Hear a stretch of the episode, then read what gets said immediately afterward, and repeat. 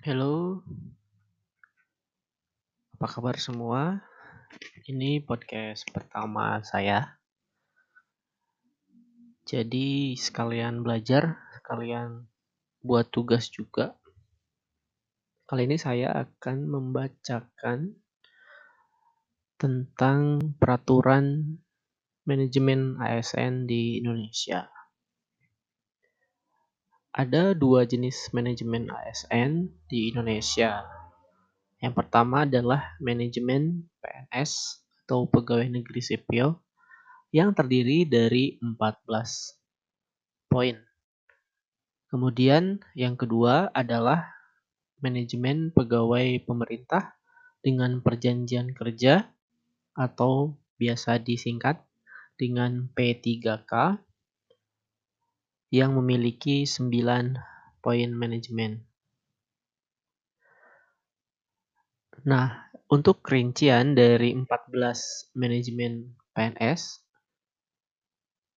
adalah sebagai berikut. Yang pertama, penyusunan dan penetapan kebutuhan. Dua, pengadaan. Tiga, pangkat dan jabatan. Empat, pengembangan karir. Yang kelima, pola karir. Yang keenam, promosi.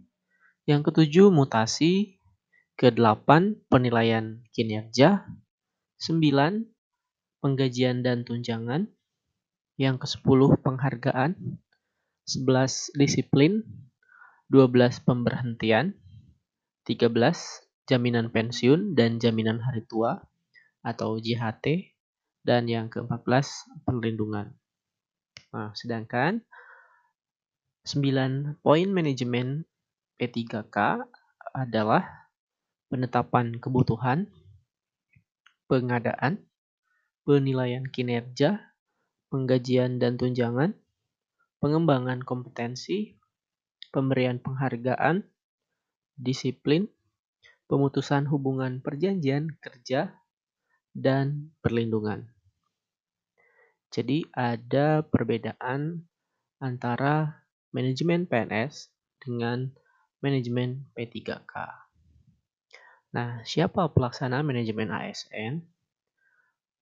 Pelaksana manajemen ASN adalah presiden. Namun, presiden kemudian mendelegasikan kewenangan pembinaan manajemen ASN kepada pejabat yang berwenang di kementerian, di sekretariat jenderal, lembaga negara atau lembaga non-struktural kepada sekretaris daerah provinsi dan sekretaris daerah kota atau kabupaten.